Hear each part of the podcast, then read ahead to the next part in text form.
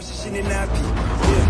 ponse twanyanto mushini wimaki Yeah. engineer dokotela wafe His people did not call him general or king. They called him Kukul Khan, the feather serpent god. Killing him will risk eternal war. He's coming for the surface world.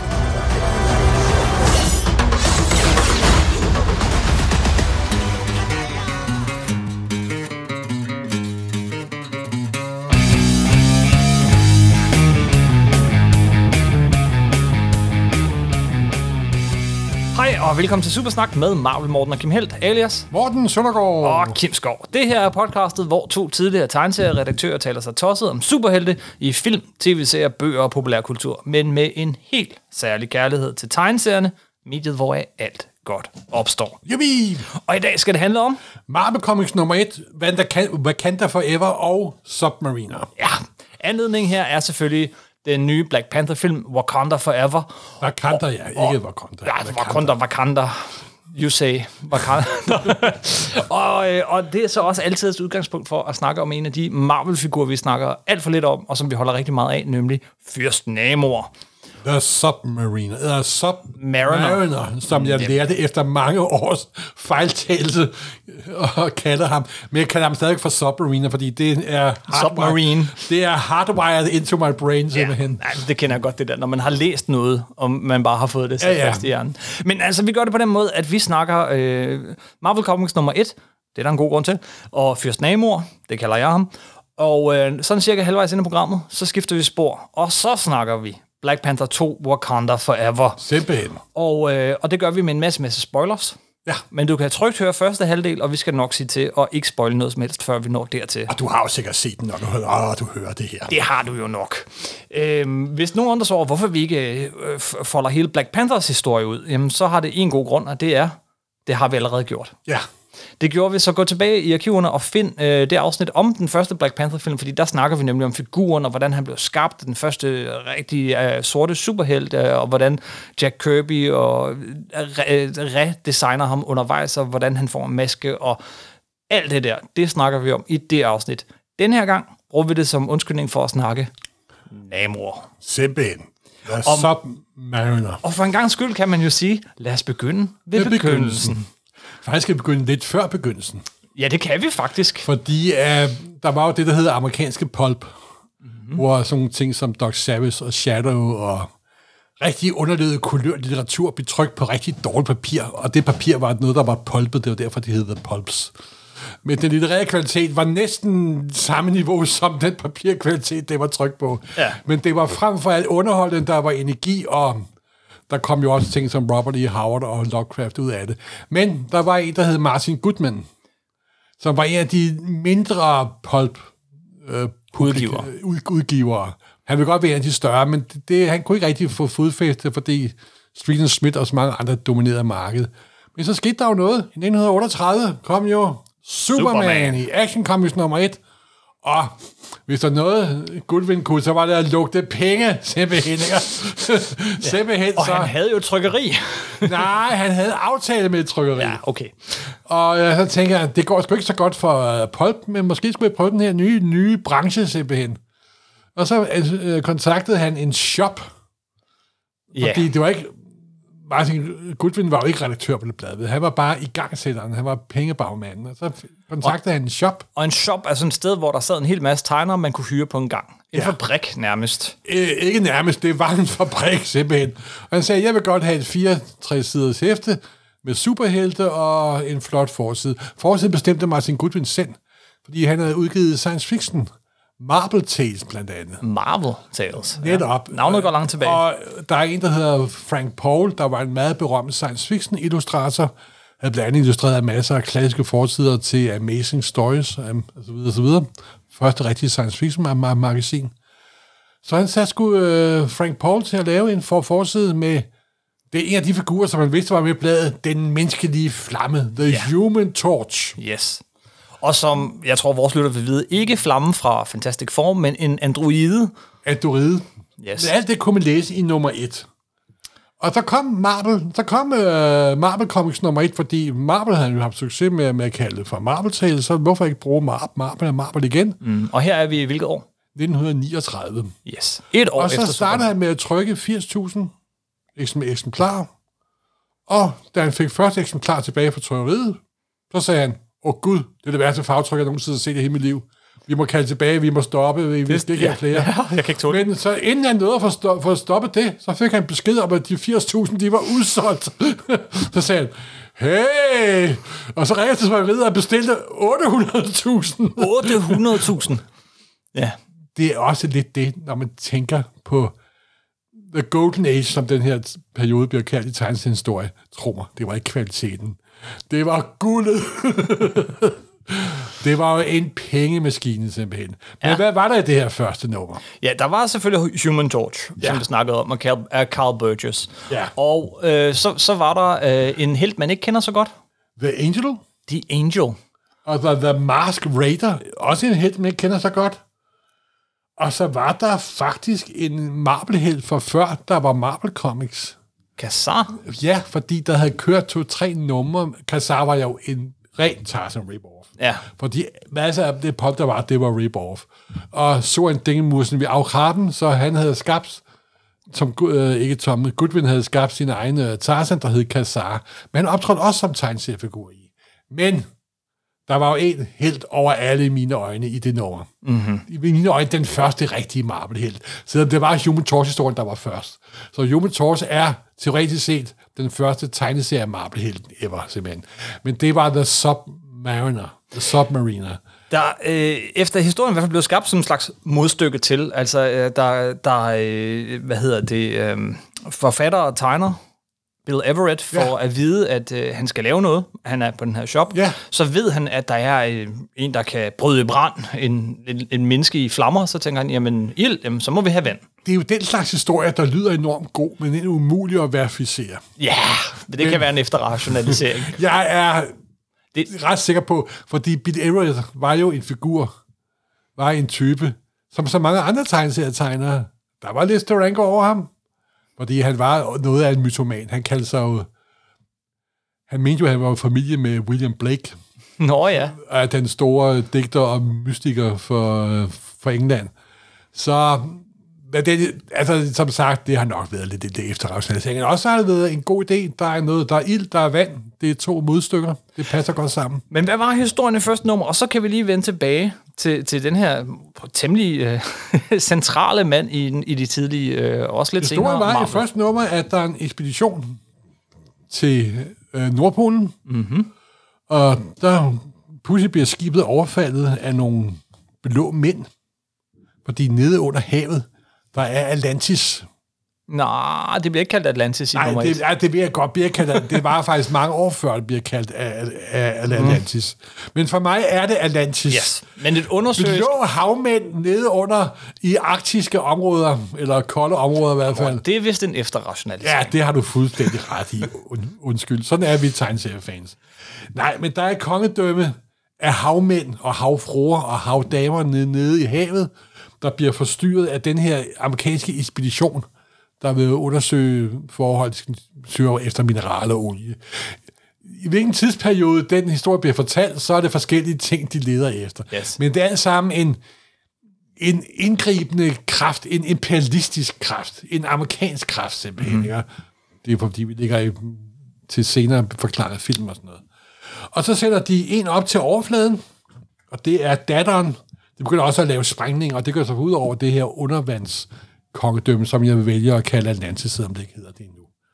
Og så vælger de at sende en, en op til overfladen, og det bliver så datteren af havkongen. Men hun men lige så snart datteren af havkongen og den skiberen på skibet ser hinanden, så bliver de udødeligt forelskede. Ja. Kærlighed ved første blik, yeah. simpelthen. Ikke? Og summa summarum, der går et stykke tid, jeg går ud fra ni måneder, og der bliver der født et barn, Fyrsten Amor. Og han er en hybrid mellem den hvide verden og den blå verden. Ja. Han er, i, til, han er for evigt fanget imellem to verdener. Så sker selvfølgelig det, at ham der kongen nede, hvor er min datter henne, han sender nogle folk op til overfladen, der dræber kaptajnen og tager hende tilbage til Atlantis, og der bliver Namor så født. Eller gør han det? Det varierer lidt forskellige for- fortællinger af historien. Men sommer som arm er, at det er en hybrid, en mutant, som han senere blev til. Han er hvid, han er ikke blå, han har superkræfter, og han har små vinger på fødderne, Som gør, at han kan flyve. gør han kan flyve. Og hvor de vinger kommer fra, må du ikke spørge. Men sådan er det, når... der er nok lidt græsk mytologi endnu. Der er nok, det, det, ja, det er fra Merkur selvfølgelig. Men øhm, hvorfor er det opstået, når der kommer en hybridrace, en blandingsrace? Nu, nu holder vi os bare til historien. Ja, oh, okay.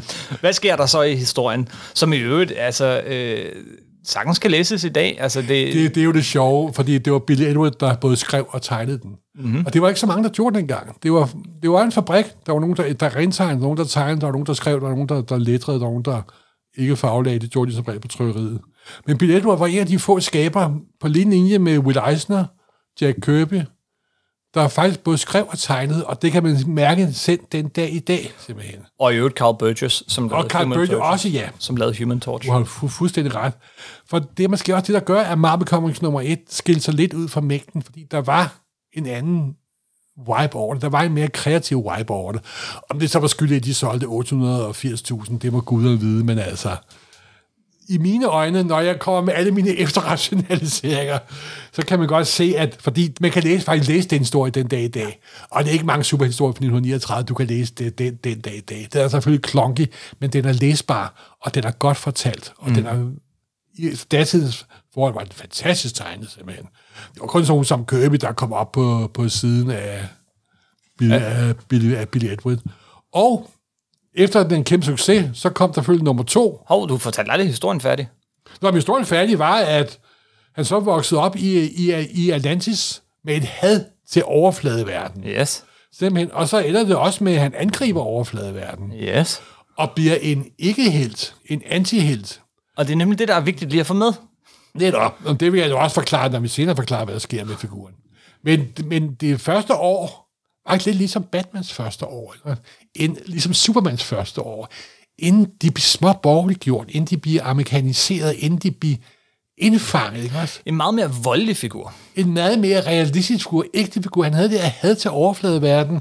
Han angriber et fyrtårn, eller med han også angriber New York, hvor han så kommer op og slås med The Human Torch. Det er nogle numre og, senere. og skaber det første crossover i Marvel, og det- skaber hele Marvel-universet simpelthen. Ikke? Ja. Og det er jo det, der er så sjovt ved de her tre, de her grundlæggende figurer, det er, at de første, meget- og ligesom Superman og Batman, deres første år er meget, meget anderledes end det, folks opfattelse af dem er. ikke? Der er anarkisten, der er den meget hårdslående, nærmest dræbende hævner i, i Batman, og så er der anarkisten, terroristen i Submariner simpelthen. Ikke? ja. Det er jo ikke for meget at kalde ham terrorist. Øhm, i, I hvert fald fra amerikanernes synspunkt på det her tidspunkt, og, øh, og, og øh, hvad hedder det, sådan øko-terrorist er også noget, der kommer ind over figuren meget Ja, og det kommer faktisk ret tidligt ind, ja. ind i figuren. Dog ikke, dog ikke super tidligt, men ret tidligt. Så kommer der Marvel Comics nummer 1. Hvad skal der føles af Marvel Comics nummer 2? Nej, der er kun et Marvel Comics nummer 1. Fordi af uforklarlige årsager, som ingen tegneseriehistorikere har været i stand til at afsløre, så er nummer 2 og frem, så hedder det Marvel Mystery Comics. Det er rigtigt. Simpelthen. Men det blev enormt populært. Human Torch, Submariner, senere et års tid senere dukkede Captain America op i Captain America nummer 1, og den trio var Timely, som øh, Marvel hed på det tidspunkt, store force. Og den anden store force var, at deres historier foregik i den virkelige verden. Der var 2. verdenskrig, og de deltog i 2. De verdenskrig. deltog i en vanskelig, til forskel fra Superman og Batman, som gjorde det på forsiderne, men ikke inde i hæfterne. Det netop. Så, så gjorde Marvels figurer det, og de var, de var temmelig proaktive. Det må man sige. Og det er også sjovt, den dag i dag kan man nærmest stadigvæk sætte sin finger på, at Marvel er øh, med alle dens omliggende omformninger og sidespor og alt muligt, så er der alligevel den verden uden for dine vinduer, mens DC-universet er grundlæggende en mytologi med mm. guder, simpelthen. Ikke? Og det er selv den dag i dag, at det er en DNA. Det er en meget store forskel nogle gange ikke særlig stor forskel mellem DC og så Marvel. Men Bill Edward tegnede løs, og de blev super populære. Der kom som sagt det der kæmpe team op. Det er en ret vigtig begivenhed faktisk, som vi lige skøjtede henover. Vi har også brugt tid på den tidligere i tidligere afsnit af Supersnak, men, men det første store crossover, hvor at helte og møder hinanden, der er antagonisten jo faktisk øh, Namor her. Han angriber New York, og, øh, og heltene må mod ham, og det er jo så Human Torch. Så ild og vand mødes i det her crossover, som blev lavet sådan rimelig legendarisk hen over en, en, en, en, en weekend, og det gik fra det ene blad til det andet ja. blad. Og jeg vil faktisk sige, hvis man vil gerne læse en, en, øh, sådan en Golden Age Marvel-historie, så kommer man altså ikke fejl ved at læse Nej. den her. Der er gang i den. Hvis man læser det allerførste nummer af, af hvad hedder det, Marvel Comics, man læser Namor-historien, jamen, så vil man op, øh, opleve, at den er meget tekstfyldt. Der er rigtig meget tekst.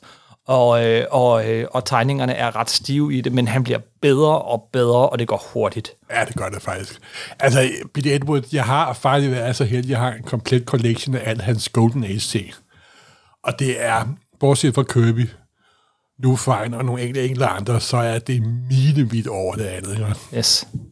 Og der er også det, den der berømte team-up, eller slåskamp mellem ja. øh, Human Torch og Submarine, den er også meget smukt litterært beskrevet i uh, Michael Chabons Det er den, ja. The Amazing Adventures of Calvin and Clay, hvor der er en lidt anden udgave af det, men det er helt tydeligt, det er den begivenhed, som han skriver simpelthen, og det er ganske fantastisk. Det er sådan en af de sådan omdrejningspunkter i The Golden Age of American Comics, simpelthen. Mm-hmm. Figurgalleriet omkring øh, Namor, det vokser. Ja. Øh, og øh, han, Han, han kommer til New York og bliver selvfølgelig forelsket i en politikvinde, Bessie Dean, så vidt jeg husker. hun Ja, det tror jeg. Ja.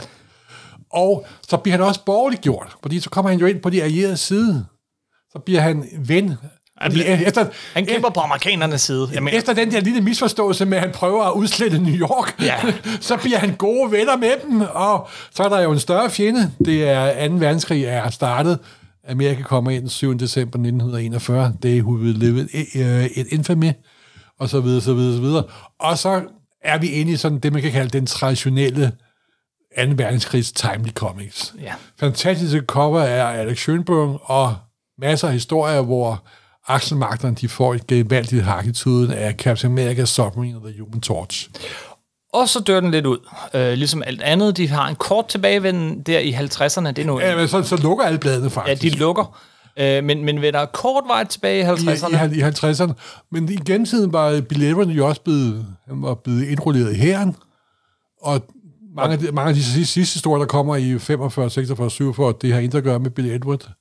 Han kommer ud af hæren igen, efter 2. verdenskrig slutter selvfølgelig. Og, som du sagt, ser, og han dropper ud af tegneserier faktisk. Men så kommer det der revival i 50'erne fra Atlas Comics, hvor de genoplever Captain America, Human Torch og Submariner. Og det eneste, der bider sig fast, det er faktisk Submariner, og det har to årsager. Et, det var Bill Edward, der både skrev og tegnede stadigvæk. Måske var der også nogen, der hjalp med historien. Og to, at der var mulighed for, at Submariner muligvis ville blive til en tv-serie. Det er rigtigt. Og det var faktisk grunden til, at, at Stan Lee Martin, på det tidspunkt var den lille bydreng, der var blevet ansat i uh, 40'erne, blevet til chefredaktør for Marvel. Det hed Atlas på et tidspunkt, og hed Stanley Lieber, Stan Lee. Og hans onkel, Good Goodwin, de kørte simpelthen Atlas. Og der i 50'erne, lige før tegneseriehesten startede, så var der sådan nogenlunde gang i butikken, og der var det håb om, at de var blevet lovet, der muligvis ville komme en Submariner. Ja, men, øh, det, den var ret lang. Øh, det, det skulle være med, hvad hed han? Øh, Richard Egan i hovedrollen. som jeg ikke aner ved, hvem Ej, er. men han var øh, stor tv-stjerne på det Det tidspunkt. må vi håbe. men, men, men, men den, ja, det blev ikke til noget. og så Nej, men det var faktisk grunden til, at der kom mange flere Submariner-blade, end der kom Captain America-blade. Ja, de kunne jo se, hvad det betød for populariteten Ja, af. Superman. Ja, ja, selvfølgelig, selvfølgelig, selvfølgelig. Og det er også nok lidt fordi, at de historier, Bill Edward lavede, de var altså bedre. De var sådan lidt mere realistiske. Og de var, altså, jeg har det helt bind med dem. Post-war Bill Ja. Submariner. Og jeg har faktisk læst mange, mange af dem. Hvis nu det du- kan jeg ikke sige om alle mine Golden Age. Samlinger, men det, det, du har dem, og du har læst dem. ja, netop. Hvordan vil du beskrive ham sådan, altså, øh, som figur på det her tidspunkt, så, så hans personlighed? Ja, den var blevet, blevet, blevet gjort utrolig meget. Men han startede som en... en, en Han startede som terrorist, som antihelt, Og så bliver han hurtigt blødgjort, og i 50'erne er han meget bl- blevet blødgjort. De har da fjernet vingerne på hans fødder. Oha. Men han, han starter Han altså er som en nærmest blevet kastreret. hi- hissigprop. Og, Men han har stadigvæk sit Toblerone-hoved, Ja. som en af mine gamle kunder altid sagde, det var Toblerone-manden. ja, Ja, beklager. og de spidse ører. de spidse ører og de grønne underbukser og bare overkrop simpelthen. Ikke? Der er nogle grundlæggende ting, du aldrig laver om med Submariner. Nej. Simpelthen. Han vendte... Så, jamen, den døde så... Så døde den her også serie. ud. Og så kommer den historie, som de fleste af vores lyttere kender, med Stan Lee sad alene tilbage. Der er hesten, det var lige før de lukkede Timely Atlas, Atlas Marvel, kom lidt gang i den. Kirby vendte tilbage, fordi han havde ikke andet valg, end at vende tilbage til Marvel Comics. Ham og Stan Lee begyndte at lave monsterhistorier. Steve Ditko kom ind. Ham og Stan Lee begyndte at lave mystiske historier. Den mix af de tre mennesker skabte så The Marvel Age of Comics. Og det startede selvfølgelig med Fantastic Four nummer 1. Og hvad skete der så i nummer 4?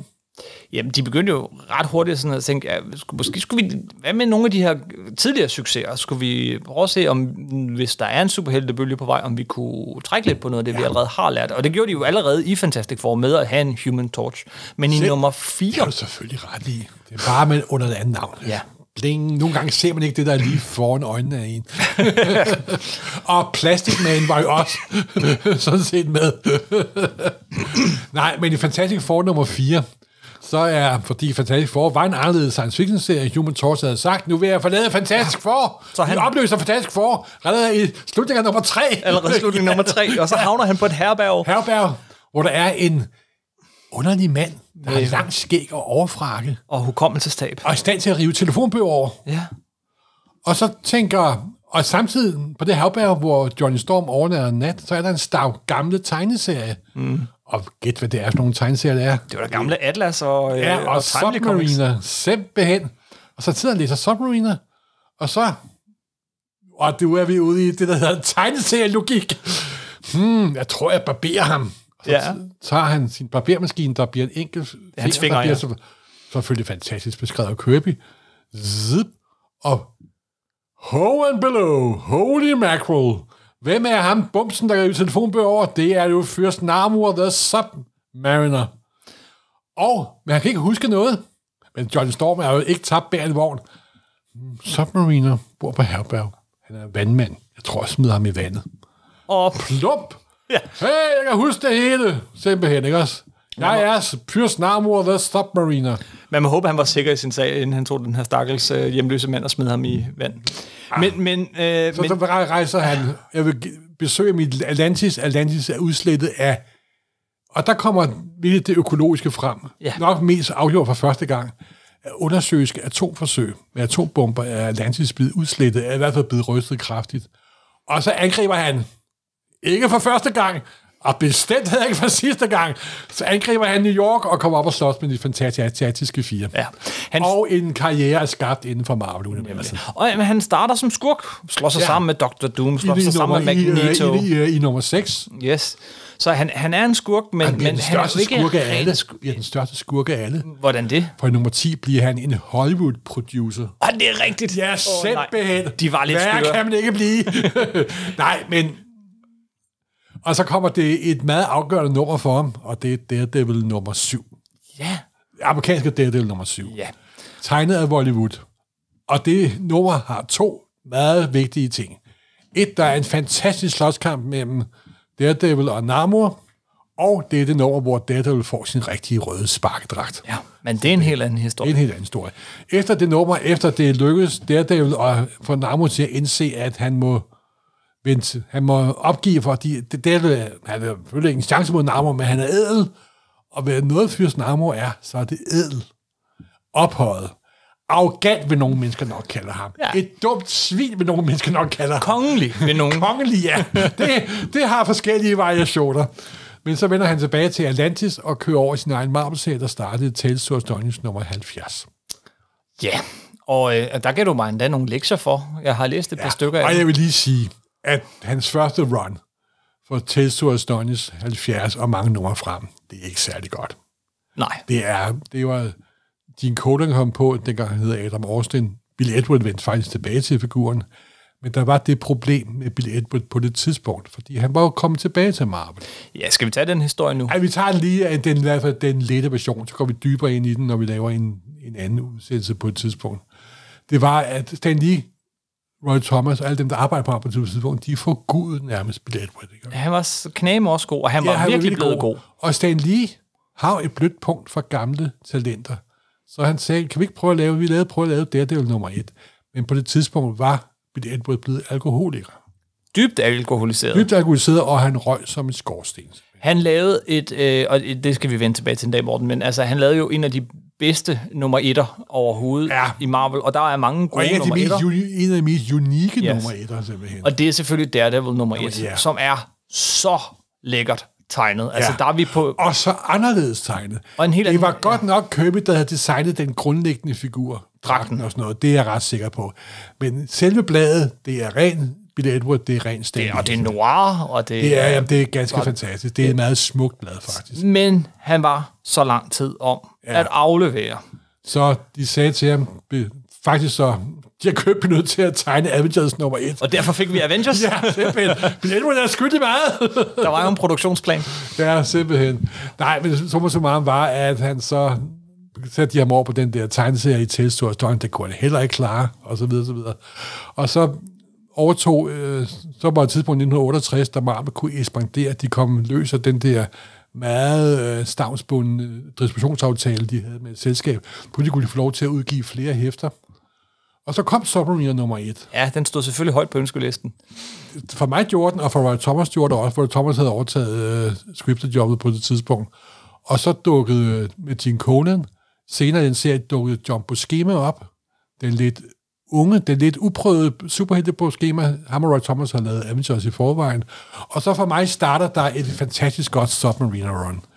I de fleste andre af vores lytteres øjne vil det jo nok ikke være så læsbart, som jeg synes, det er. Du, du tvang mig lidt til at læse to historier, og, og, og de var da udmærket, Morten, men jeg tror måske, Jeg det er, ser dem måske lidt i nostalgiens lys. der er jo det, at øh, jeg kan forstå, at de her øh, var nogle af de første amerikanske Marvel-hæfter, ja. du læste Jeg overhovedet. lånte faktisk en kæmpe stak af Søren Pedersen. Det er mm. fantastisk. Og han havde en kæmpe stak Submariner, og jeg lånte en 20-25 nummer, og jeg læste dem ud i en køre, og de har jo nok brændt sig ind i min lille hjerne, det må jeg jo nok sige. Det er svært at hamle op med nostalgi. Der er nogle det er ikke ting. kun nostalgi. Nej, jeg vil sige, den der mega lange slåskamp mellem ham og The Thing fra Ja. Fantastic Four er ret Og skønt. så efter Roy Thomas, øh, og efter John Buscema forlod serien, så overtog øh, Marine Severin. Mm-hmm. Og hun lavede også nogle ganske fantastiske ting. Stingray og så videre, så videre, så videre. Og The Serpent Crown dukkede også op i den her hi- historieline. Det er den der krone, der kommer fra Lemuria, og sådan lidt Robert E. Howard, øh, Ja. Lovecraft hentydning. Og det var først sådan en stenkrone, der var en gal politiker havde fået. Så viste sig, at og det var faktisk den, der gjorde, at Submariner mistede hukommelsen i det års tid, inden Human Torch fandt ham. Det var noget, Roy, Roy Thomas er jo god til retroaktiv kronologi. ja. Han er faktisk the master. Nej, og så senere, så var der en i stenkronen, var der den rigtige Serpent Crown, den der er som grønne slanger, der giver magiske og telepatiske egenskaber, og puha, og den får har Marvel problemer med den dag i dag. ja, den vender tit tilbage. Simpelthen. Nej, men så, så min serien kørte, og det blev sådan lidt stemodagtig serie. Ja. Det gjorde den lidt, ligesom også Iron Man, Iron Man og, og- og Daredevil, de sådan forsvandt lidt i glemsen der i slutningen af 60'erne, starten og, halv- og 70'erne. Så, men Roy Thomas har jo en dyb kærlighed til Submariner, men især også til Billy Edward. Og øh, så var der også sket det positive i Billy Edwards liv, at han var blevet tørlagt. Simpelthen. Og så besluttede Roy Thomas, for det er jo der, han havde fået større og større ind- ind- indflydelse, at fra med Submariner nummer 50, skulle Billy Edward overtage serien som skribent og som tegner. Og det første nummer 50, det er som at se en genfødt Billy Edward. Det er så fantastisk tegn. Det er Golden Age-stil, men det er så dynamisk. Det er så fantastisk. Der er lidt nostalgi. Ja, lidt. Det er en, en, kun en lille det er smule. ganske godt. Kun en lille smule. Men så skete der jo det, at han også var, han var fået et hjerteanfald, ja. fordi han havde mishandlet sin krop med ryge og drikke, simpelthen. og han blev super syg. Og så viser det jo, hvor meget af Marvel og Stan Lee og Ron Thomas holdt af Bill Edward, fordi Fra 50 til 58-59, der gør de alt for at hjælpe ham. De putter back-up feature ind, de putter optryk ind, de, han laver kun 12 sider, de får andre til at skrive dialogen, de får andre til at hjælpe ham osv. osv., osv. Men det endte med, at Edward døde efter ganske kort tid. Han blev vist kun 57 år, så vidt jeg husker. Mm-hmm. Men det er nu lidt... Jeg synes, det er lidt rørende, at de holder faktisk talt den serie i live på grund af Bill Edward. Og det, og, noget, og det han laver i de der par numre, hvor han øh, faktisk nærmest laver det bedste tegneseriearbejde, han nogensinde har lavet lige før han dør. Det er også ret sådan, imponerende og rørende, og det, det, det, er en, det er en god historie, synes jeg. Og jeg holder utrolig meget af de blade. Det kan jeg høre. Ja, det beklager, beklager. Ja. Øhm, hvad skete der så senere, da hans oprindelige skaber, han, øh, han, han var væk? Og, øh, fordi, øh, Jo, men så, øh, så bliver han jo medlem af Defenders. det er Og rigtigt. der var sådan, åh, haha, du har ikke det Defenders. Nej. Der var sådan en proto-Defenders i uh, Submariner nummer 35-36, så vidt jeg husker, hvor Silver Surfer, Hulk og uh, Submariner møder hinanden. Så dukker Dr. Strange op, og de danner så The Defenders.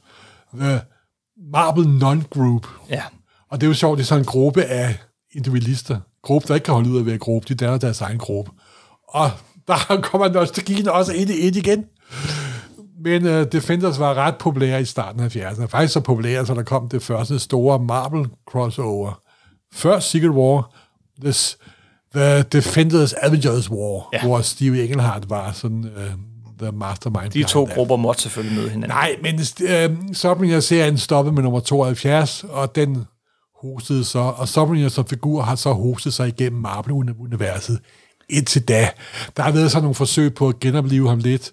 De gav i slutningen af hans karriere, i øh, den, hans oprindelige run, der fik han en ny dragt, der ja. Ikke var særlig vel- vellykket. Men det var også designet af Don Heck, så det har måske nok noget med det at gøre. Undskyld, Don Heck. Og så bliver han igen den øh, bare overkrop grønne underbukser, han har fået sine vinger tilbage selvfølgelig.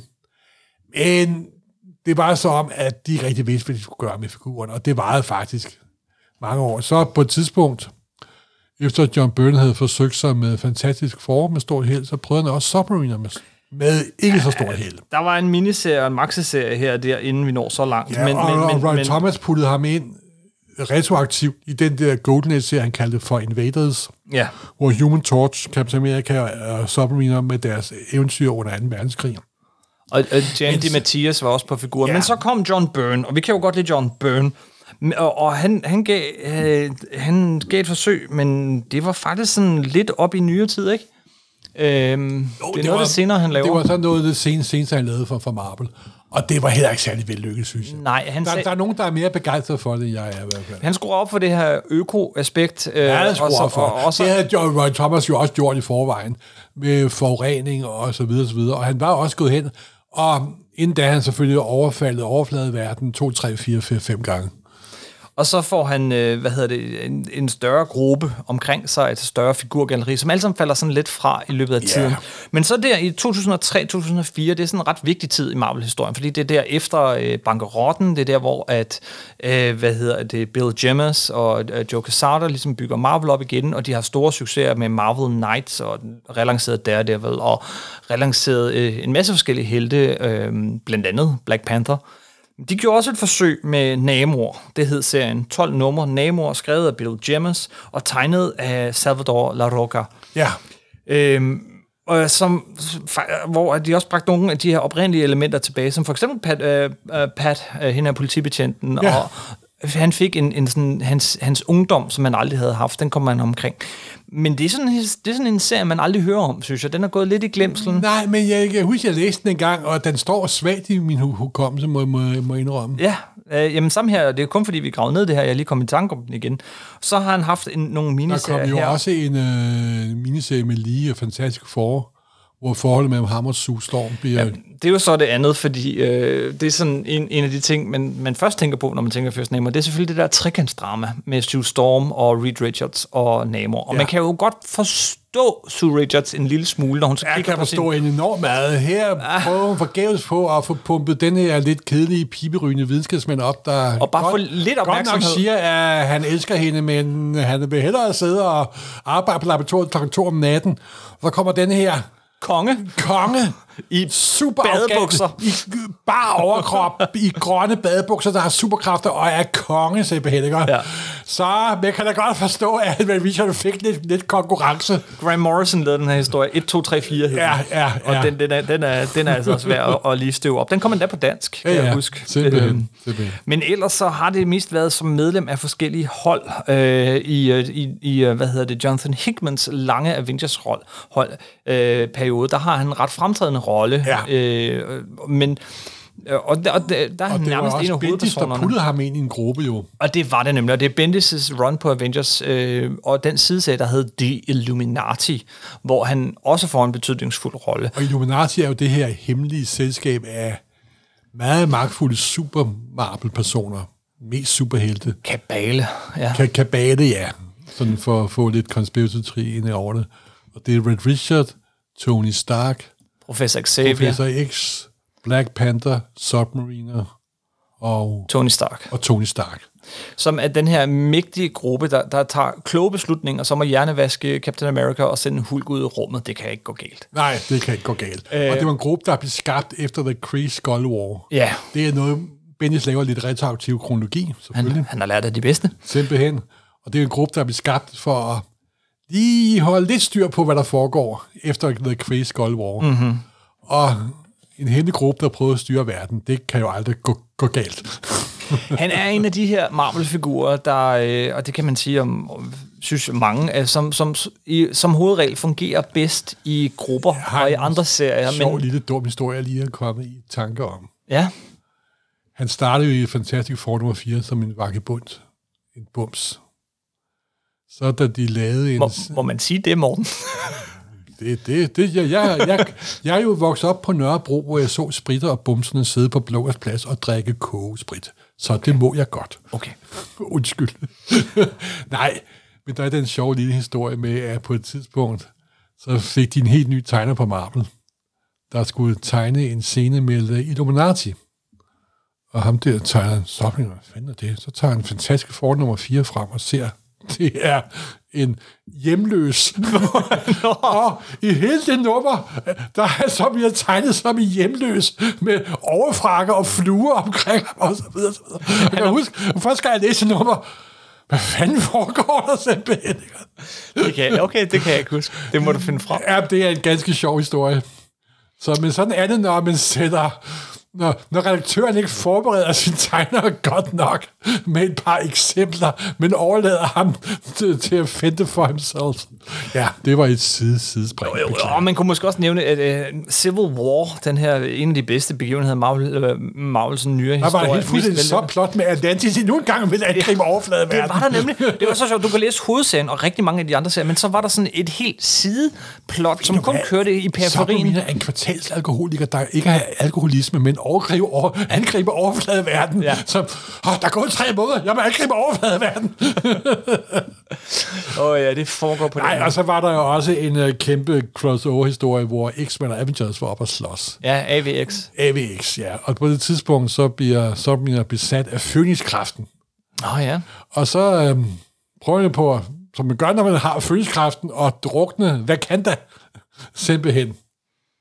Ja. Og det er derfra, at i moderne tid, at der er et fjendskab mellem Wakanda og så Atlantis. Som føres ind i filmen. Ja. Men ved du hvad, inden vi hopper over filmen, øh, og inden vi når til spoiler-afdelingen af det her afsnit, øh, så er der... Øh, så er der faktisk en forhistorie til den her film, som kunne være sjov lige at vinde. Åh oh, ja, det er jo ikke første gang, de har forsøgt at putte Fyrsten Amor ind i en film. Nej, du nævnte selv øh, det her forsøg i, i 50'erne på at, at lave en film, som faktisk kom En, ret langt. øh, en tv-serie. En tv-serie, ja, en tv-serie. Og der var et nyt forsøg, øh, eller, eller begyndende forsøg der i 70'erne, men så kom der sandelig en tv-serie i 1977. Man of Atlantis. Man of Atlantis. Ja, med, øh, med Patrick, øh, Pa- Patrick Duffy.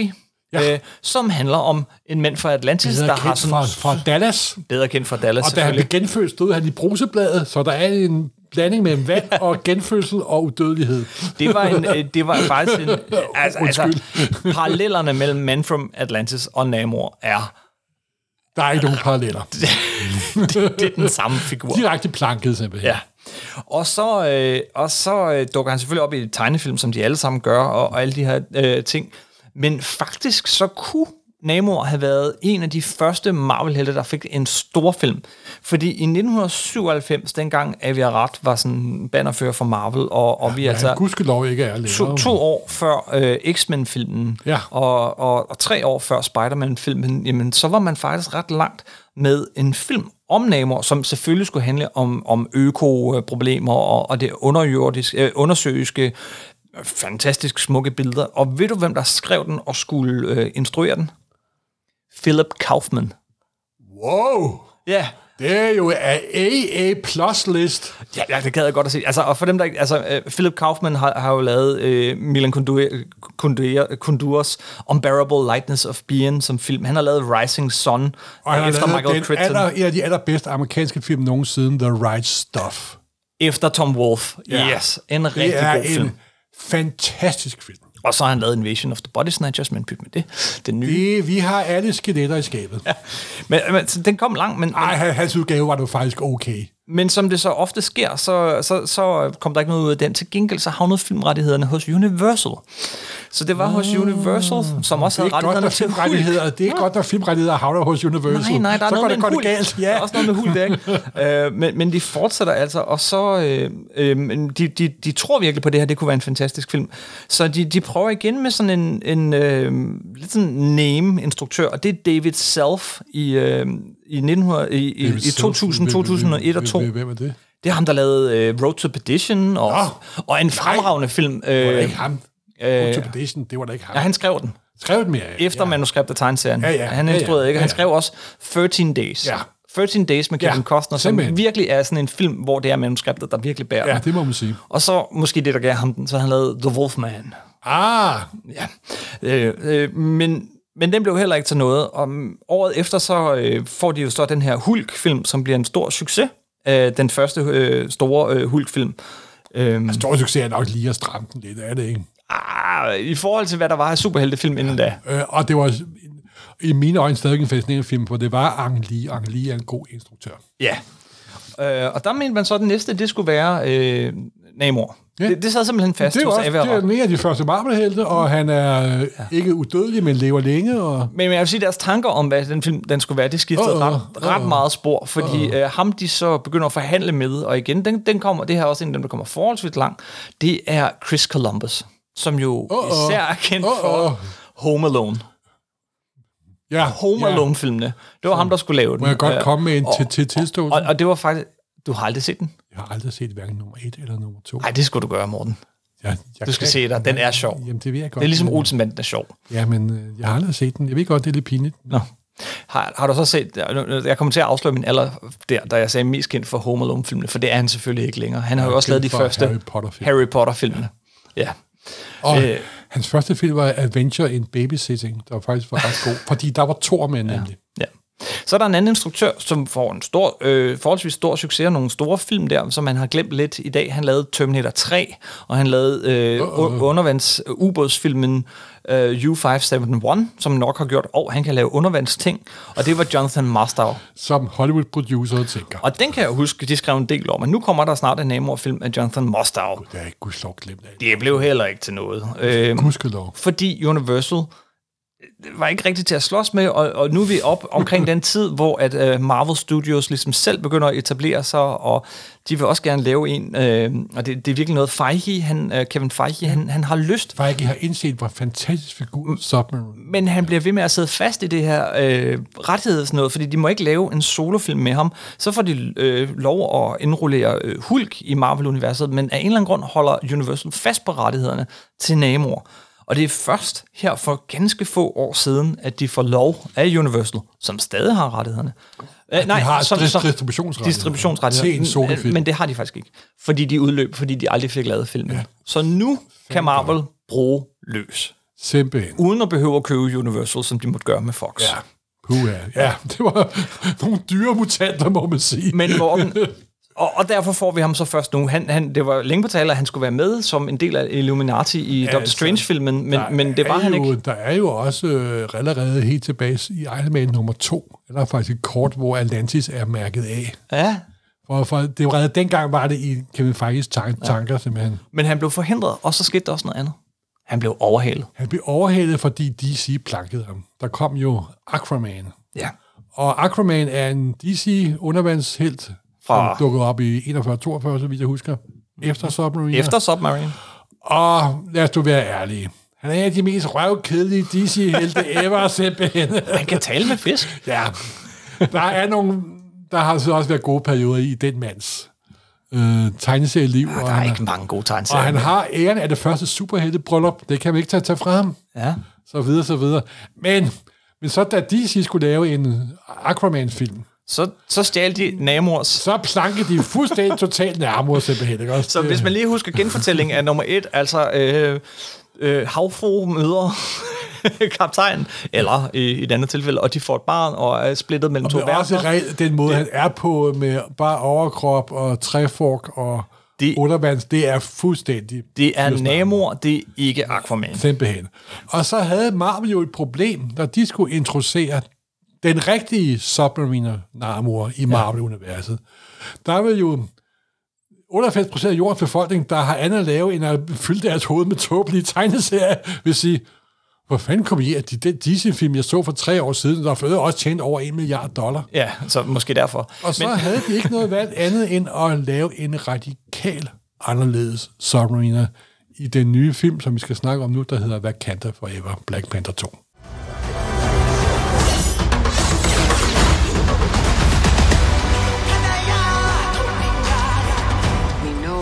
What you whisper. They have lost their protector. Now is our time to strike.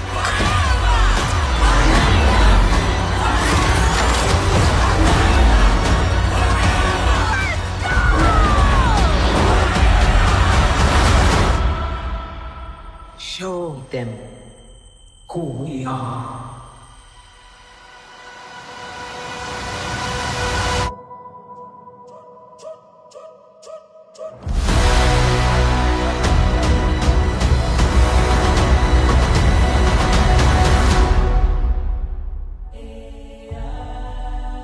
Black Panther 2, Wakanda Forever. Simpelthen. Hvad er, Morten? Hvad var dine forventninger, inden du gik ind og så filmen? Og jeg skal lige sige, det er her, vi begynder på spoilers. Simpelthen. Det er spoiler, spoiler, spoiler. Mine forventninger var faktisk, at jeg ikke havde nogen forventninger, og jeg var ret glad for, da jeg så den. Jeg havde det på Fordi, samme måde, ja. Fordi at, jeg vidste ikke rigtigt, jeg havde sådan, selvfølgelig lige set traileren, men jeg havde ikke rigtig sådan dykket ned i, hvad der foregik og ikke foregik, og jeg var lidt spændt på, hvordan de ville løse problemet med, at hovedrollenhaveren for den første film tragisk nok var død af kræft, og hvordan de så ville klare det pro- problem, og det løste de på smukkeste måde, må jeg, må jeg sige.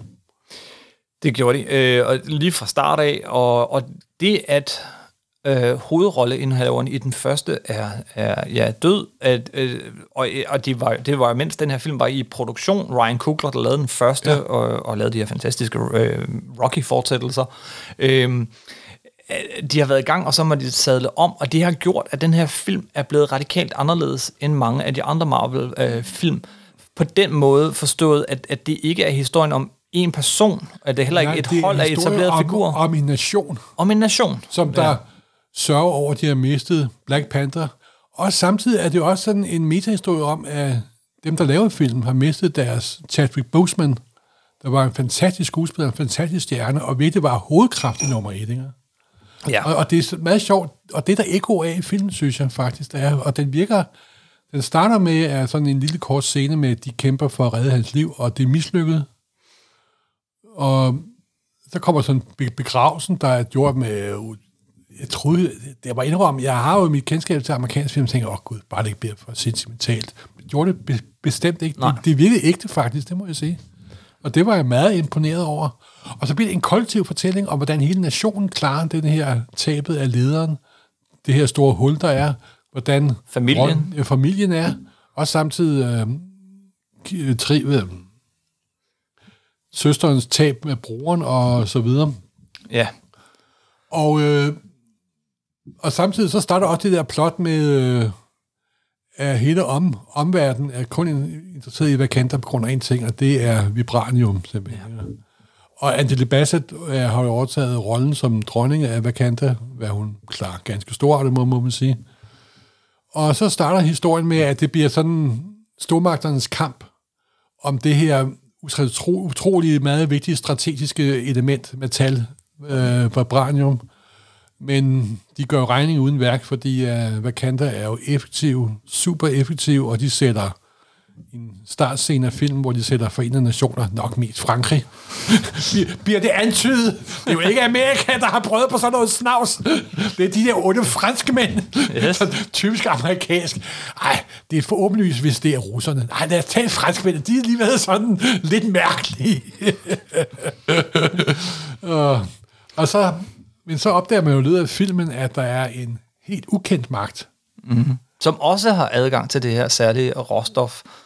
Ja, og dem har man aldrig set nogensinde før, fordi det lykkedes USA at lave en, et apparat, der er i stand Ja. til at op til at finde vibranium. Det lykkedes dem at, at finde et skoleprojekt fra et, en studerende et, et, et kvindeligt geni, Ja. der har bygget et skoleprojekt, hvor man kunne øh, detekte vibranium. Mm. Og så finder de jo vibranium et andet sted. Og det skib, der prøver at hæve vibranium, bliver så overfaldet af en masse blå, Blå mænd, mænd. mænd og damer. ja. Og det er selvfølgelig ikke Atlantis. Nej, men det under, fordi som du sagde lige før, øh, øh, hvad hedder trailerpausen her, øh, de blev nødt til at lave om i mytologien ja. Omkring Namor, og det vender vi tilbage til, men nu hedder, nu hedder deres hjem øh, Talokan, Talokan. og er meget sådan mayansk. Øh, øh, Mellemamerika, Maya, Azteker. Ja. Og et af, altså et af de ting, der både var ved den første, for ikke Captain America, Black Panther-film, og den anden Black Panther-film her, er designet, scenografien, kostymerne, Ja, men- kulissen, det er fuldstændig fantastisk. jamen, den er så smuk, den film. Den er ja. så overdrevet. Altså, den er og, den er, altså, det er ikke noget, jeg er meget opmærksom på, når jeg ser en film, men jeg synes, fotograferingen var bedre, den plejer at være. Jeg var mere opmærksom på det, end jeg plejer. Det kan jeg vende tilbage til, hvorfor. Ja. Det er der en god grund Ah. til. Men, men øh, jamen, hvad der så siden sker, jamen, så må de selvfølgelig uundgåeligt op og slås. De, her- er, er, Wakanda bliver mistænkt, og de to riger må op og slås med hinanden, og, øh, og så ender det med, at de faktisk slutter fred. I hvert fald sådan, sådan hvad der virker til en fred. Og vores hovedpersoner, familien her, er på forskellige vis kommet videre, kommet sig over tabet af deres konge og Siri deres bliver ven den nye Black Panther. og, og, og Shuri bliver den nye Black Panther. det ender med en- Hvilket er lidt ærgerligt, de afslører i traileren, fordi det kommer meget sent i filmen. Men Jo, men og der sk- sker jo en meget, meget overraskende ting i filmen. Nu kommer en major spoiler. Mm. Det er jo, at dronningen dør, bliver slået ihjel af Namor. ja, Fordi Namor angriber hvad, hvad, hvad, hvad, Wakanda.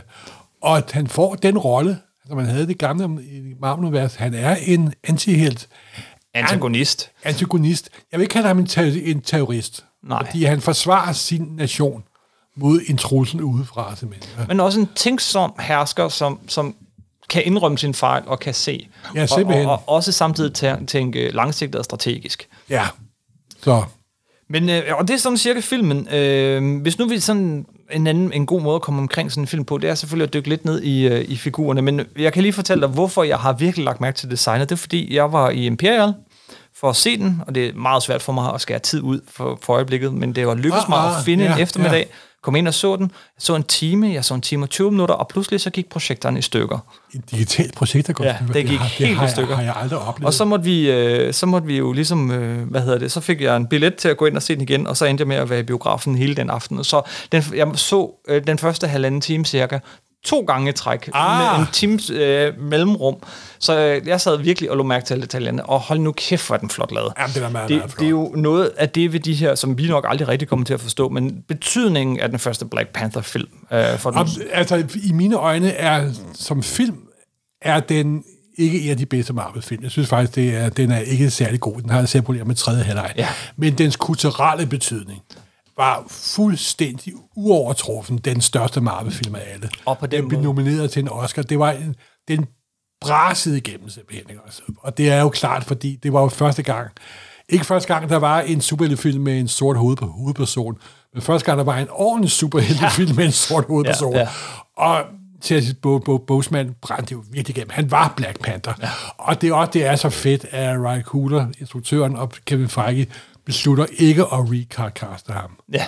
Og det er et virkelig godt valg. Ja. Både rent historiemæssigt, men også at bøde i overfor, altså det, det, det kan du bare ikke simpelthen med længere. Nej. Og man breder den ud til den her nationsfortælling, og det er rigtig, rigtig godt. Øhm, altså, hvis der er en hovedperson, og der er flere, vil jeg påstå, men hvis der er en bærende figur i den, så er det jo uh, Shuri, som er spillet af Ja. Letita Wright. Og, Lad os- hun, og hun brænder også virkelig igennem, synes jeg. Hun spiller virkelig godt, synes jeg. Ja, hun er ganske fin, synes jeg. Men, men hun spiller anderledes. Og hun er ikke nogen heltetype. Hun er ikke sådan en Nej. Standard superheltetype, vel? Nej. Hun er den der lidt, lidt røvirriterende lille sø- søster, faktisk, ikke også? ja. Samtidig er hun også i sni på niveau med Tony Stark, ikke også? Ja. Det er altid meget praktisk i superhistorie, men altid har sådan en videnskabelig geni. Men jeg synes virkelig, at hun træder i karakter i denne her film. Det synes, synes jeg virkelig. Hun har i hvert fald sådan den tydeligste sådan story arc igennem filmen, og, og, og vokser ind i rollen, både som, som Black Panther, og faktisk også så som hersker over Wakanda til sidst. Og også med, at hun... Også filmen er jo, er, jo, er jo hendes egen sovearbejde over for ja. brugerne og så videre.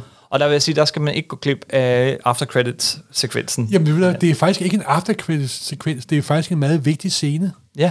Det, det er slet ikke nogen øh, ubetydelig. Jeg så, der var nogen, øh, der var inde og se den, der forlod biografen inden da. Mm. Og de går faktisk glip af en af øh, filmens vigtigste scener. Filmens punktum. Så det er simpelthen... Øh, men det er Letizia Wright. Lad os ikke gå ind i alt det der ballade, der var med, at filmen blev forsinket øh, og alt muligt.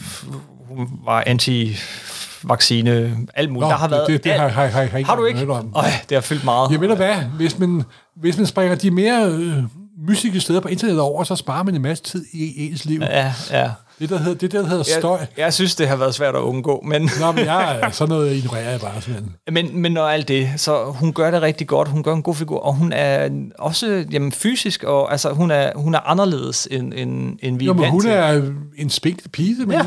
ja. Men når hun får The Heart Shape Herb, så bliver hun til The Black Panther. Ja. Og, er hun er fedt. Black Panther nok til at kunne gå one-on-one with Submariner. Ja. Og der er et herligt twist hen mod slutningen, når hun så får den der, øh, hvor hun så regner, man, man regner med, at hun møder sin afdøde mor, men det gør Ja, hun ikke. Hun nej. møder Killmonger. Simpelthen. og, øh, og starter et hævntogt, men vokser så. Og så, så det bliver sådan øh, drevet af hævn mod drevet af hævn, øh, og, og, og det får sådan en meget... Øh, Jo, også det, der er så fedt ved filmen, er, at der er de to personer, der er oppe og slås, der begge er drevet af hævn og følelser, og hvor de resonerer de følelser, og ender med ikke at slå hinanden ihjel. ja, selvom det er tæt på. ja det er meget tæt Der er på. faktisk nogle var- mere voldsomme scener i den film, end man er vant til i mange meget. Ja, mange jeg synes film. faktisk, det var en af de bedre superheltslåskampe, jeg har set i uh, MCU. Ja. Også på grund af en meget lille ting, som kun Hans Søndergaard bliver meget glad for. Det er det af de mest dramatiske, et af de mest afgørende øjeblikke, når Submariner slås. Så rejser han sig op for... Han er, han er jo ikke nærheden af vand, det er derfor, at hun har en Ja, chance, ja. chance imod ham. På trods af, at hun har fået Black Panthers kræfter, og hun har fået Black Panther kræfter. Så rejser han sig op og kigger, og så siger han, Imperius Rex. og for mig, som gammel Submariner-fan, så var det næsten ikke, det var ikke lige så stort, men det var næsten lige så stort som, da Captain America mumler, Avengers. Assemble. Ja. ja. Så stort var det ikke for mig, men det var stort. For mig, det var heller ikke lige stort, men det var næsten lige, så stort. Ja. Øh, den, den anden, altså øh, Lupita Nyong'o, øh, som spiller Nakia, har også en rimelig fin rolle i den her, øh, og, og, og Koye øh, og, og, og andre af dem her rundt om. Vi kan gå ind i alle figurerne. Og så er det også ret men, fedt, Men at næsten alle de dominerede personer i hele filmen, det er kvinder, simpelthen. Det er faktisk ret cool, synes jeg. det havde jeg faktisk ikke engang tænkt Jo, jo, over. men det Jamen, det, det. havde, det, det har du ret i, Ja, og det ja. havde jeg ikke engang tænkt over. Men hende, der Ja, brænder hold da igennem. kæft. Og som jeg- Hvis hun ikke bliver nomineret til en Oscar, så er der ingen retfærdighed i denne verden, det garanterer jeg dig for. Angela Bassett, Hold kæft, mand. Hun Som- brænder igennem. Jamen, hun var god i den første, men her får hun jo en mere fremtrædende rolle. Og hold da kæft! Jeg, hun, man kan, altså, det, det, lad være misforstå det her. Jeg mener det i allerbedste mening. Jeg kunne kigge på hende hele dagen. Ja. Hun, hun er jo en statue, hun er et overmenneske, hun Og, der er, er, og så kan hun skille ud. hun kan skælde ud, hun har følelserne uden på tøjet.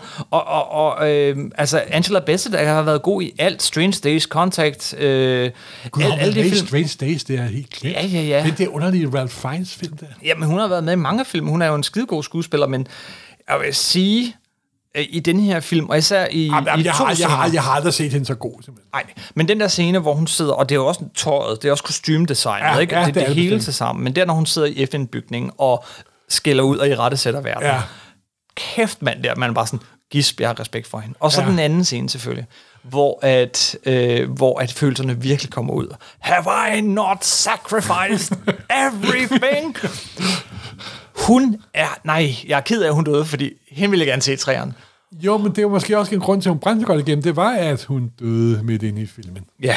Det var, og det var igen et modigt og godt valg, synes jeg. Det må jeg sige. Og hun er også en af dem der, du, du har ingen anelse om, hvor gammel hun er. Altså, hun er sådan... Hun er helt overmenneskelig at se på.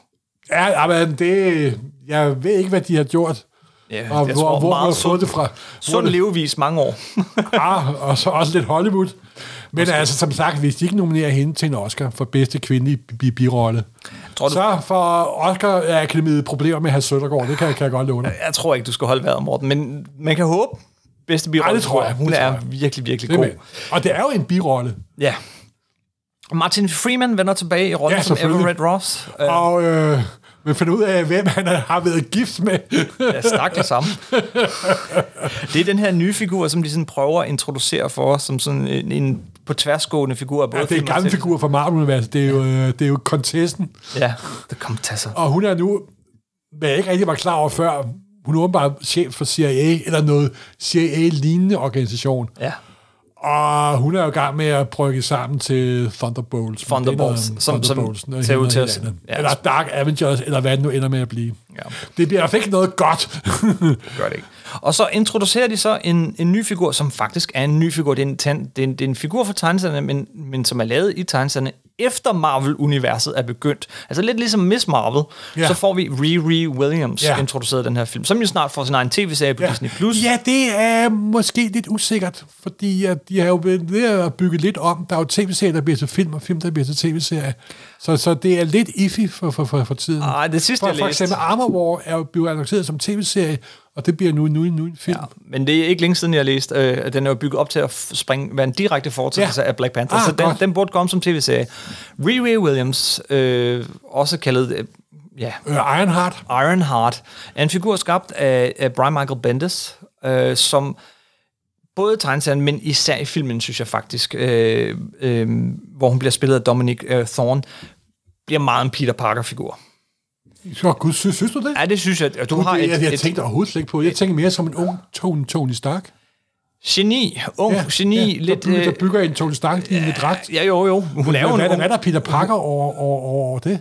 ung geni. Du Og, lider af Peter Parker-syndrom, tror jeg. gør, gør jeg det? ja, gør jeg du det? lider af Peter Parker-syndrom. Lad os være enige om at være lidt uenige der, men- jeg Nå, synes, hun, okay. den måde, som Peter Parker er i, øh, i øh, hvad hedder det, øh, i MCU-universet, jeg synes, hun, hun minder... Nå, på den måde. Nu nu forstår jeg, hvad du mener. Du er MCU Peter Parker, du Ja. tænker på. Jeg Ja. tænker på den rigtige Peter Parker. Ja, men nu kan man ikke længere sige sex scene. øh, men, men, øh, men anyway, hun dukker op. Hvad synes du om hende? Jo, jeg må indrømme, at jeg synes, det var en af svaghederne ved filmen, var, at det var for mange tråde visse steder. Ja. En af trådene var, at jeg synes, at hun skulle selvfølgelig ind, fordi det var hende, der havde opfundet den der vibranium-detektor. Men jeg synes, at hun var lidt overflødig i filmen. Det vil, vil jeg sige. Jeg synes heller ikke, det var den heldigste introduktion. Hun virkede faktisk lidt irriterende nogle gange. Øh, Jo, men det tror jeg også er meningen. jo, jo. En teenager, der ved alt, de er altid irriterende. Det er rigtigt. De behøver, Især hvis man er blevet gammel og midaldrende gennem. og de behøver ikke engang i virkeligheden at vide alt. Nej. Men, Husk, øh, ungdom har altid ret selv, når de ikke har ret. ja, men hun får en tv-serie at vokse i, men det er rigtigt. Den varede To, To timer, timer og 40 minutter, eller Ja. 30 minutter. Eller ja, noget. 260 minutter. Men jeg synes sgu ikke, den føles særlig lang. Det synes jeg egentlig heller ikke. Fordi de skulle også bruge en masse tid på at introducere deres nye udgave af Submariner jo. Ja. Øh, og øh, Submariner, Submariner, nu, beklager. nu er det første gang, jeg retter på dig. Ja, Men øh, Tenor bliver sidste. bliver spillet af Tenor Huerta, Ja. ja. øh, som jeg jo må indrømme, jeg ikke rigtig kender. Der er jo vist ingen, der har hørt om ham uden for Mexico. Nej, men han er, han er knæmegod. Og han er også en af dem der, som... Fantastisk på mange måder. Først er det igen et eksempel på, at Marvel tager nogle fede beslutninger. De sagde, vi kan ikke tage en bodybuilder i grønne underbukser, der har en træfolk. Det går bare ikke, venner. Hvor meget vi end ved. Så vi laver figuren radikalt om, og jeg mener virkelig radikalt. I origin, i formål, i indsigt, i historie, i det hele simpelthen. Det eneste, jeg har beholdt, er bare overkrop, grønne underbukser og vinger på fødderne. Og alligevel synes jeg, det er på mange måder den samme figur. Nej, det er fordi, Alt han er jo ikke, ham. han er jo ikke øh, mellem, spændt mellem to verdener. Han er kun for én verden. de gør også det fantastiske. Og det er den MCU-figur, det er den Marvel-figur, der er lavet mest om i MCU. Bære nøje. Jamen, det er. Simpelthen. De gør Men, det fantastisk, at de laver en link imellem vibranium og den plante, der gav ham og hans folk undervands evne til at øh, leve under vandet, og gav ham superkræfter og så videre. Og jo et fedt lille subplot med, at, at, at, det der med, at der findes den her plante og, og den her meteor et andet sted end Wakanda, ja. er, er sådan en helt anfægtelse af nogens tro Ja. i Wakanda. Det er en meget fin lille Ja, netop, ting. netop. Der, Men der er også det, at hans origin er, at han var også en forfulgte, øh, da øh, spanierne erobrede Mellemamerika og Sydamerika, så opførte de sig jo bestemt ikke pænt. nej. Det var faktisk noget af det værste menneskelige forbrydelser på, på den jord. Og den øh, meksikanske urbefolkning, den, øh, den indianske urbefolkning blev udslettet, slagtet, brugt som slaver. Der er en lille gruppe, der takket ved, at den urt kan blive til blå, kan leve under vandet og undslippe koloniseringen, undslippe imperialismen. Ligesom Wakanda har undgået imperialismen på grund af vibranium. Men den plante er også påvirket af vibranium, også skabt af vibranium. Så er det igen vibranium, der er sådan det anti-imperialistiske me- metal, kan man nærmest sige. Ja. det er en meget sjov lille ting, som jeg lige pludselig kom i tanke om. Men han bliver så født under vandet, og det er ikke en blandingsrace, han er ikke en, en, en hybrid. Men han er, Han er submariner. Han er en mutant, hvad han de også en siger. mutant. Han bliver født under vandet, men han er ikke, han er kun én verden, og han bliver deres gud, og han er levet fra 1600 til i dag, han er udødelig. Så han er en radikalt anderledes figur. Det er helt rigtigt. Simpelthen. Og alligevel, så synes jeg, der er spor af den oprindelige Namor. Der, der er er hans det. udseende, og der er, han, han, han er konge, han er Ja, hersker, ja, ja, bestemt. og, og han, og han er, ikke, arrogant. han er mega arrogant, og han er ikke bange for, og han er, han er på Kristin. Og så også så fedt med den casting, de gør, at det er jo traditionelt med, ja, hvorfor ligner han ikke en bodybuilder? Fordi han har en svømmerkrop. Ja, yeah. Han har en svømmekrop, simpelthen godt. Han er mere Johnny Weissmuller, end han er Arnold Schwarzenegger, simpelthen. Ikke? uh-huh. Simpelthen, Johnny Weissmuller var jo meget på han, eller Max Spitz, nu for at nævne en, en svømmestjerne, som folk måske bedre kender. Ah, Johnny Weissmuller var jo Tarzan. Ja, men han, havde også, han var jo en, en kendt, han havde jo også vundet olympiske medaljer. Flere end nogen anden. Ja. Han havde faktisk aldrig deltaget i en konkurrence og tabt. Ja, Han har, og ikke vundet. Jeg tror, Max Spitz fik flere guldmedaljer end ham. Øh, det, det, det, er, det er ikke lige min spidskompetence, det her Jamen, jeg så Max Spitz træne, øh, vinde i 1972. Okay. Jeg er jo en gammel mand. Jeg er jo folkepensionist. må du Ja, okay, okay, okay. Var det et Nej, men det er så fedt at se, at Marvel griber om Nellens rod og siger, vi totalt laver Submariner om. Ja. Men de beholdte det essentielle. Præcis, og det, er det, det er nemlig Ja. bare det, jeg mener, fordi... Og så fik de, hvad jeg aldrig troede, jeg skulle se. De fik vingerne til at virke. Ja. Og man tænkte, nej, de kan sgu da ikke... Det, det er for tåbeligt. Det er for tåbeligt. Det kan de ikke gøre. Åh, oh, da hun brækker den der vinge. Åh, oh, han skriger. Ja, det er, men de fik den til at virke. Mm. Og han har de grønne underbukser, han har superstyrke, han, har, han kan flyve ved hjælp af de vinger. Jeg har sagt, det er som, at han sådan hopper gennem luften. Ja. Han svæver, han hopper. Det fungerer. Og, og det gør de altså, jeg tror, de, er, de har også gjort dem lidt større, end de er i virkeligheden, faktisk. Nå ja. ja så, så giver det jo masser af mening som Ja, fysisk. jamen, jamen, det er jo det. Det er for, en, jamen, det er for ens underlige hjerte til at acceptere. Det er fuldstændig tåbeligt, i det, hvad de gør, men de får det til at virke, og det er jeg meget imponeret over. Ja. Man skulle ellers tro, når de laver så radikalt om på en Marvel-figur, at du ikke vil kunne lide det. Men det fungerer jo i konteksten. Jo, men det er, når det bliver lavet om med indforståelse, følelse, talent og intelligens. Det er, det er ikke, når de lader idioter lave Marvel, lave superheltefilm, vel? Det skal vi ikke komme nærmere ind på. Den er øh, mange minutter lang, men den føles ikke lang. Ja, jeg, jeg, Til jeg, jeg gengæld- føles den ikke, ikke lang. Og i gengæld så synes jeg øh, også øh, lidt ligesom, eller i høj grad ligesom den første Black Panther-film, og, og, og flere Marvels-film, at den er, den, den mangler overraskelser på den måde. Det er meget A til B til C til D. Jamen, det var en origin-historie, og det Ja. bliver origin-historie altid. det, det bliver det tit, øh, så det, den var jeg meget... bliver den lidt var, overrasket over, at der er... At der, der er overraskelser, der, ja. Der er dronningen. Der er overraskelser undervejs, men hvor historien bevæger sig henad, er man aldrig rigtig i tvivl om. Øh, så så på Nej, den nej. måde øh, hæver den sig ikke sådan op blandt de allerbedste af de Marvel-film, jeg har set.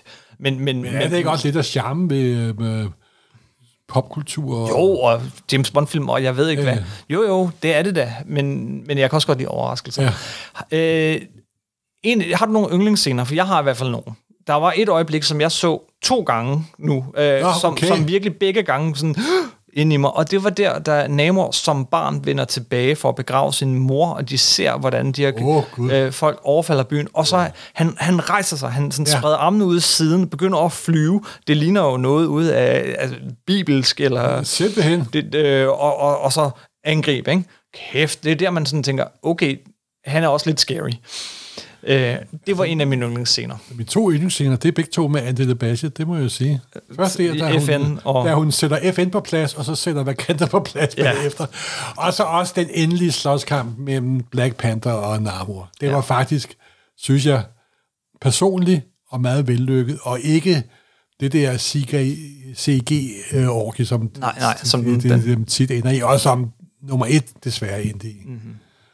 Og- Og på den måde synes jeg, den hæver sig på mange parametre over, over meget af det andet, men... Den Altså, jeg synes ikke- faktisk, at Black Panther 2 er en bedre film end Black Panther 1. Ja, det er det. Det er det. Det er Som det. film, men, Så- men ikke af den betydning. kulturelle betydning bliver ja. ikke det er nævneværdigt ikke så stor som nummer et. Jeg har mere gen, øh, lyst til at gense den her, øh, end, end mange af de andre ja. Marvel-film. Øh, der er virkelig meget at opdage, også bare i, i, i produktionsdesignet og Jamen, er musikken jo, altså- og øh, skuespilleren. Det er, en, det er en flot og underholdende Marvel-film. Og, Og så, som sagt, som synes lidt anderledes, det er en kollektiv historie, i stedet for en helte. Ja, og det, det- det, er fokuseret på enkelte personer. Og det er også noget, den lykkes meget bedre med end Eternals. Øh, den har også meget Ja. bedre balance Ja. mellem humor Ja. og seriøsitet. Øh, det, der må, Jeg vil det sige, må det er sådan man Eternals, der er vellykket. give- Ja, ja, Selvom jeg har nu en svag spot for Eternals, men det er der jo indlysende årsager til. ja. Han hedder Jack til fornavn. Simpelthen. Andet lige at sige om øh, ja, First Namor eller øh, Wakanda Forever. Nej, sådan, sådan set ikke. Ikke udover, at som sagt, jeg gik ind ikke med nogen forventninger, og det er måske også en af grunden til, at jeg, jeg godt kan lide den. Det er mange gange det der med, at man skal ikke skrue sine forventninger for højt vejret, eller have nogle forkerte for, forventninger, når man ser de her film. Nej. Så, og jeg glæder mig, og der var det jo også afslutningen på, er det ikke fase 4, de kalder det? Og jeg ved ikke, hvor Ah, skillet det er går mellem de også der faser. ligegyldigt. Jeg tror, det er ved at blive sådan lidt arbitrært med de der faser. Jeg tror mere, det er et marketingstool, end, end det er et for, fortælle Det er en stort fortløbende fortælling, og Simpelthen. må ikke han dukke op, i hvert fald i Fantastic Four-filmen. Må ikke. Ja, men altså, fantastiske for, men altså, hvis de kan lykkes dem at køre Namor ind i MCU, og endda lave ham så meget om, så må de jo godt, sagde han med tilbageholdt åndedræt, måske lave fantastisk om, når de laver det. Ja, jeg ved Morten. godt, jeg, jeg, jeg ved heller ikke, hvad jeg siger nu her, men altså, på den anden side, jeg vil hellere have en radikalt anderledes fantastisk for, end jeg vil have en dårlig fantastisk for. Ja, for dem har vi allerede fået. Ja, det har vi fået alt for mange af. Men jeg har fuld tillid til Kevin og company. Det tror jeg, vi har fanget efterhånden. Ja, Nå, men så vil jeg bare her til sidst sige, øh, der er, I bliver ved med at spørge, hvornår kommer øh, Supersnak tilbage sådan på, på programmet fast. Øh, vi prøver at samle til bunke, optage nogle afsnit øh, forud, og så på et eller andet tidspunkt skal vi nok sige til. Men det er ikke lige i morgen, men et eller andet tidspunkt, så skal vi nok komme tilbage på sporet og udkomme fast igen. Jeg kan godt lide det her med at have en fast frekvens. og vi har ikke opgivet Supersnak, det er 100 procent. Det er 100% sikkert, og vi har allerede øh, en, en del afsnit i bunken, men vi skal bare lige være lidt forud. En stor bunke, så der kan komme regelmæssighed. Det er nemlig det, og jeg elsker regelmæssighed. Simpelthen. Hvem gør ikke det? Du har jo også haft babyer. Ja, Ro, renlighed og regelmæssighed. lige præcis, Morten. Det er lige det Og der. det er de tre ting, man ikke har, når man har en baby. Ej, undskyld. så må jeg få det igennem hobby. Tusind tak for den gang. Øhm, skriv endelig ind på, øh, på Facebook og nummer 9.dk, hvad I synes om filmen, og øh, hvorfor vi tager fuldstændig fejl, og hvorfor det her er verdens dårligste film, eller verdens bedste film i virkeligheden. Ja, vi elsker at høre fra jer, og bliv ved med at komme med forslag til afsnit. Ja, Øh, selv, altså, I må komme med masser af forslag, fordi uh, vi har godt nok en liste, men vi er altid interesseret i gode forslag. ja. Og Namor er faktisk et forslag, der er tækket ind for Ja. en del år siden. Ja, simpelthen. Øh, og som vi længe har haft lyst til. Ja. Og jeg synes i øvrigt også, at vi skal vende tilbage til Bill Everett. Det er 100% sikkert, vi gør, fordi han er en af de store. Så mere supersnak på vej. Gå tilbage i arkiverne indtil da, og øh, ellers så vil jeg bare sige tak for den gang. Kommenter, skriv, anmeld, alle de der ting. Nu har jeg ikke mere at sige. Morten, du har noget at sige. 1, 2, 3. Imperius Rex!